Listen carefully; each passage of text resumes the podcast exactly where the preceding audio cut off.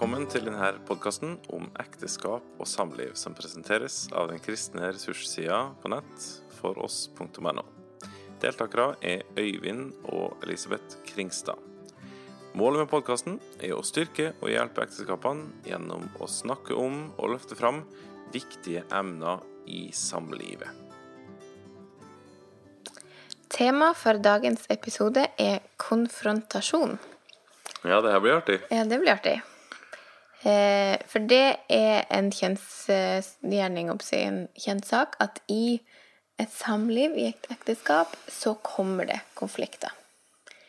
Det kommer man ikke unna. Konfliktene kommer, og det er nødvendig med konfrontasjoner. Altså um, de, samtaler eller stunder der man snakker om de vanskelige tingene, der man får utløp for sin frustrasjon.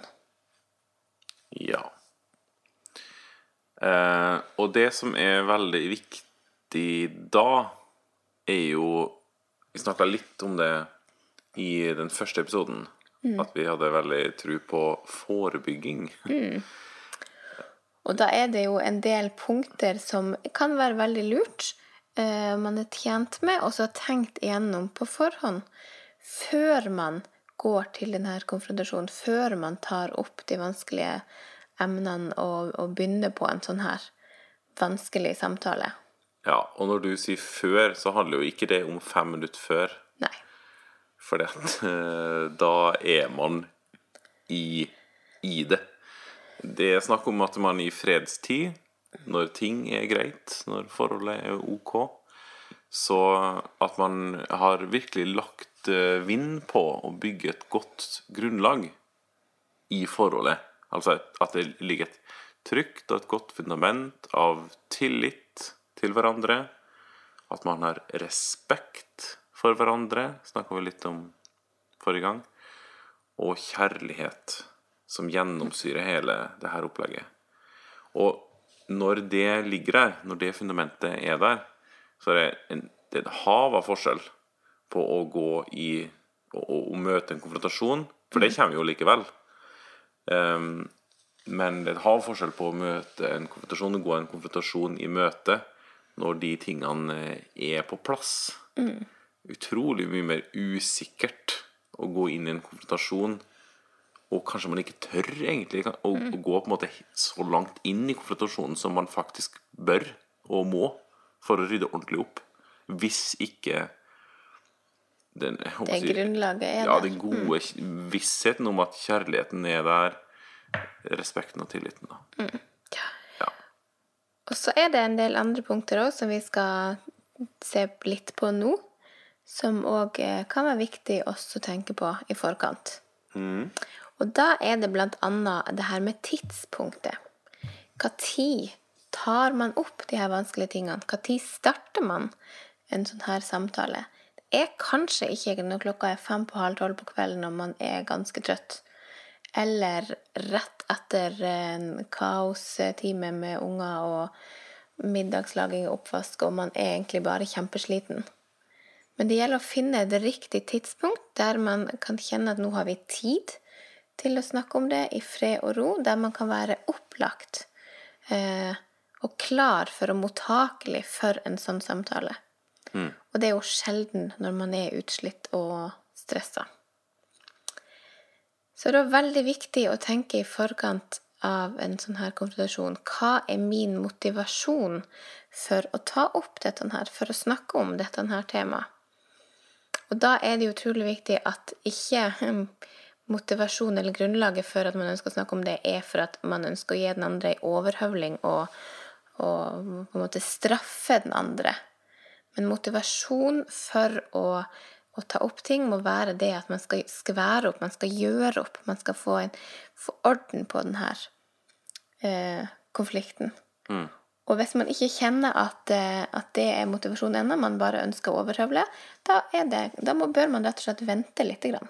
Vent litt med å ta det opp til du kan kjenne eh, at du har den rette motivasjonen for å, for å eh, snakke med din ektefelle om dette.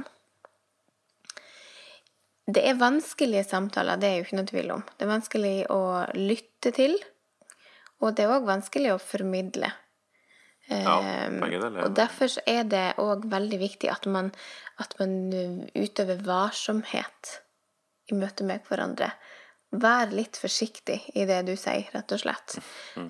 og da er gjerne starten på de her samtalene er ofte utrolig vanskelig. Så det er ikke så dumt å tenke gjennom på forhånd.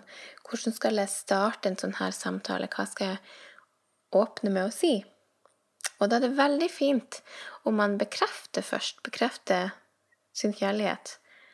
Og så er det et utrolig viktig ord som man ikke skal ha med. Og det er det kjente ordet 'men'. Eksempel kan man si 'jeg er glad i deg, men nå orker jeg ikke mer av det her'. Så, så slår du på en måte beina litt under det som du nettopp sa. Du bekrefta med å si at du var glad i deg, men fulgte opp med litt sånn ja. Så tar iallfall veldig sterkt brodden av det. ja. Mm. sitter, det er ikke det at du er glad i meg jeg sitter igjen med, liksom. Nei, det er ikke det. Og da er det bedre å heller si f.eks. noe sånt som her. Jeg er glad i deg, og derfor må vi snakke om det her. Helt annet utgangspunkt for samtalen videre. Mm. Du bekrefter, med å si det sånn, så bekrefter du faktisk at jeg er glad i deg. Mm. Ved å gå videre. Liksom. Og at det der grunnlaget og det fundamentet som vi begynte med å snakke om, er der. Det er til stede. Og så er det noen type ord som er man må Man må unngå, rett og slett. Ja. Og det Man er gjør lurt i å unngå. Gjør lurt i Ja. Og det her øver jeg meg veldig på. For det her har ikke jeg vært så god på. Nei. Og det er absoluttene. Absolutter. Vi har Det er kanskje flere år, jeg vet ikke, men aldri Ja, null prosent. Alle. Alltid. 100% ord. Ingen. Null prosent. Og det er veldig fristende å liksom dra på Du gjør jo alltid Og det er jo ingen av å Vi kommer Vi har aldri det her. Ja. Og du, man føler på en måte at man gir styrke til utsagnet, og det er jo akkurat det som skjer også. Men poenget er jo at det er aldri alltid. Nei. For det er jo ikke sant. Nei. Jeg har nok helt sikkert sagt eh, opptil flere ganger at vi kommer alltid for seint Ja, og, på grunn av det. Og det er jo ikke sant. nei. Vi kommer ikke alltid for sent. Og det er ikke alltid pga. meg. Nei. Og det som eh, skjer, er jo at det skaper heller en trang hos den andre til å trekke fram den gangen for to år siden. Da kom det jo ikke for sent. Ja. Så det er jo altså Ja. Og da og, pling, så er sidesporet ute, og Mm.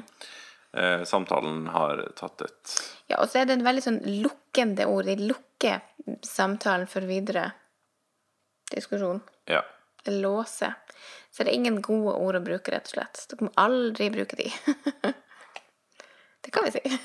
ja akkurat det går an å Ja. si, faktisk. Mm. Nei, men det, det, og det er en treningssak. Som jeg sa, det er sånn som jeg har nok gjort mye, men jeg øver meg på å la være. Ja, for det går an å høre det sjøl, Ja.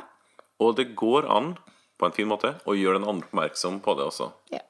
Uten at det skal være hovedtingen, for det er jo ofte en frustrasjon som er, utløp, er utgangspunktet, og det er greit. Men eh, ja.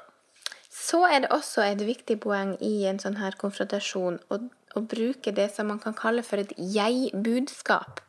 Altså den som uttrykker sin frustrasjon, sine følelser, bruker jeg-formen.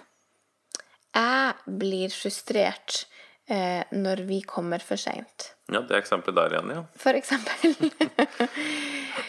eh, for hva, hva gjør man da? Da tar man ansvar for sine egne følelser. Og, og uttrykker sine egne følelser heller enn å tillegge den andre noe. Og det gjør det jo mye lettere for den andre òg å lytte til den, den på en måte kritikken. I stedet for å si at åh, du din tregfis, det er- åh, du gjør alltid sånn vi kommer for seint. Så heller si jeg blir så frustrert når, vi, når jeg opplever det at vi kommer for seint. Lettere å snakke om, lettere å lytte til, lettere å kanskje gjøre noe med. Ja, det øker definitivt motivasjonen til å faktisk gjøre Ja. noe med det. Ofte så veit man det jo sjøl òg. Det er det som er greia, vet du. ja. Ja. Og i samme på en måte sporet der òg også være det som vi kaller for atferdsorientert, i stedet for sånn eh, personkarakteristikker. I stedet, sånn som eksempelet jeg nettopp sa, du er så treg, din somlepave. Det vil jo være en typisk sånn personkarakteristikk. Men unngå det, og heller være atferdsorientert. Jeg blir frustrert når jeg opplever at du eh, bruker tida på andre ting når vi skal ut. Mm. Ikke gå på person, men på atferd. Nettopp. Og så er det jo det som vi har snakka om de to foregående episodene nå også, at i konfrontasjonen og når den er et faktum, holdt jeg på å si Vær bevisst og tenk på de herre eh, teknikkene, rett og slett. Mm. Metodene i god kommunikasjon. Mm. Det handler både om hvordan man fører kroppen sin. Vi snakker om såløs. Skrått overfor hverandre, åpen kroppsholdning, lent litt forover, øyekontakt og hvordan man fører stemmen, i tillegg til en del andre sånn nikking og mm. humming og Bekrefter si, ja. ordsøm eller mimikk som kan bekrefte. Yes. Men også eh, det som har med rett og slett hvordan man bruker ordene sine, eh, med speiling eh, Ikke tolke, ikke legge noe til, trekke noe fra, men rett og slett bare gjenta med egne ord.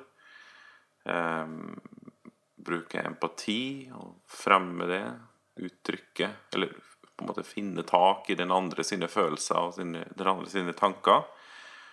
Og gjennom alt det her, da, ha en sånn grunnleggende respekt mm. for hverandre. Ta hverandre på alvor, rett og slett. Mm.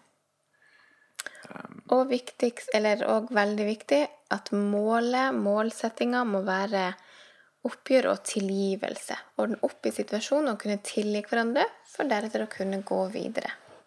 Ja, vi skal jo leve med hverandre til døden skiller oss ad, som det het før, iallfall. Så det må være Det er alltid et mål. Forsoning, tilgivelse. Eh, søke det gode, rett og slett. Da. Ja. Mm. Så det var litt noen stikkord om konfrontasjon. Mm. Oppsummert konfliktene kommer. Konfrontasjoner kommer. Legg et godt grunnlag. Pass på at du har forsoning og oppgjør og oppskværing som motivasjon. Eh, vær varsom. Og så er det litt mer når samtalen er i gang. Tenk på starten. Unngå absoluttene og snakke med et jeg-budskap.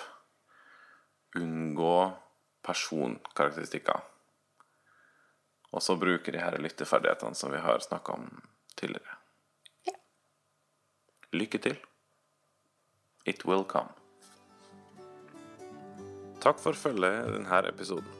Finn flere ressurser, og vær gjerne med og støtte oss på foross.no.